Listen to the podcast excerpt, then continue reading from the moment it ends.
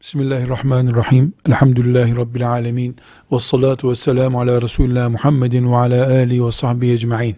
Nazar bir insanın bir eşyaya veya başka bir insana kıskanarak, haset ederek bakıp ona zarar vermesi demektir.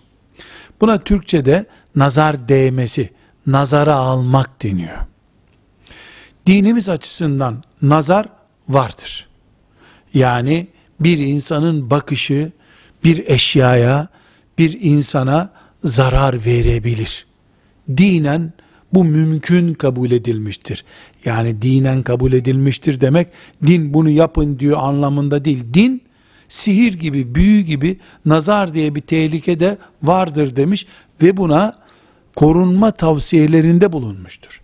Bir Müslümanın ayet-el kürsiyi okuması, Felak ve Nas surelerini okuması, okuyup kendine üflemesi, çocuklarının üzerine üflemesi, nazara karşı tavsiye edilmiş korunma tedbirlerindendir. Velhamdülillahi Rabbil Alemin.